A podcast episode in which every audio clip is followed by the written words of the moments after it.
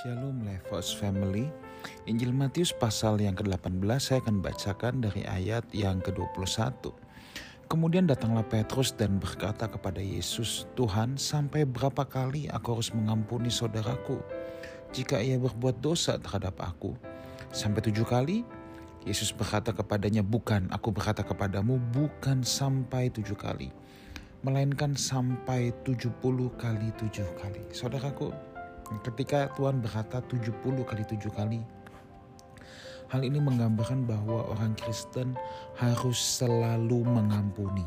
70 kali 7 kali itu bukan berarti kita menghitung kesalahan orang, tetapi kita harus senantiasa mengampuni orang yang bersalah kepada kita. Memang ini terdengar seperti ridiculous, seperti aneh saudara ya. Seperti nggak masuk akal. Kalau dia menyakiti kita terus bagaimana pastor? Oke tetapi masalahnya sekarang Tuhan berkata bahwa kita harus mengampuni. Saudara mengampuni bukannya berarti kita menjadi ceroboh. Misalnya kita ditipu oleh seseorang ya.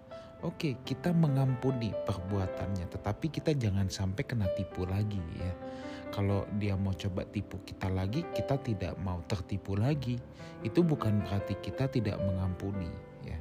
Tetapi kita sudah lebih cerdik. Nah, pengampunan ini atau mengampuni ini letaknya adanya di dalam hati. Apakah kita sungguh-sungguh mengampuni orang yang melukai kita atau tidak? Nah, ini kan sifatnya batinia, saudara. Ini adanya di dalam hati. Hal ini bisa dicek apakah kalau kita mengingat peristiwa itu, kejadian itu, apakah ada rasa terluka, apakah ada rasa teriris. Nah, kalau masih ada rasa sakitnya, itu ciri-ciri kita belum mengampuni.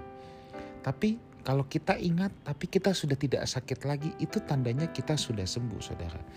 Ya, saya paham bahwa uh, manusia itu kan bukan seperti komputer hard disk yang bisa diformat udah selesai semua. Enggak.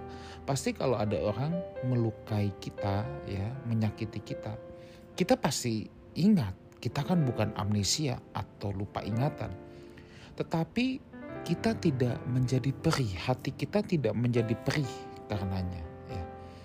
Kita ingat tetapi kita tidak menjadi perih nah untuk melepaskan pengampunan ini memang dibutuhkan anugerah Tuhan dan keputusan dari kita. Jadi ini kerjasama antara anugerah Tuhan sebagai obat penawarnya. Ya. Luka itu kan seperti racun saudara. Nah anugerah Tuhan ini penawarnya. Seperti obat penawarnya. Dan harus keputusan kita. Obat penawarnya ada, tapi kalau kita tidak mau ambil obat penawar itu, racun itu akan tetap menggerogoti tubuh kita.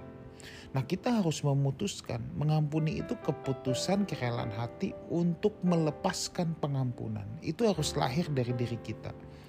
Tuhan berikan anugerah, Tuhan berikan kekuatan, tetapi keputusan untuk mengampuni itu adanya dari dalam kita. Ada satu alasan, saudara, kenapa kita harus mengampuni. Alasannya sederhana, sebab Bapa di sorga juga mengampuni kita.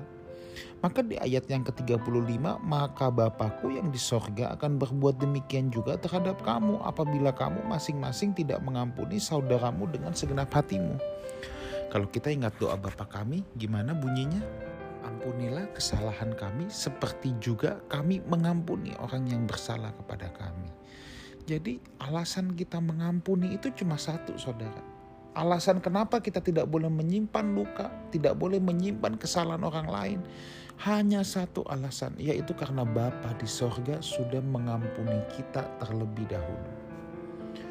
Itu menjadi satu-satunya alasan, karena Bapa di sorga sudah mengampuni kita terlebih dahulu.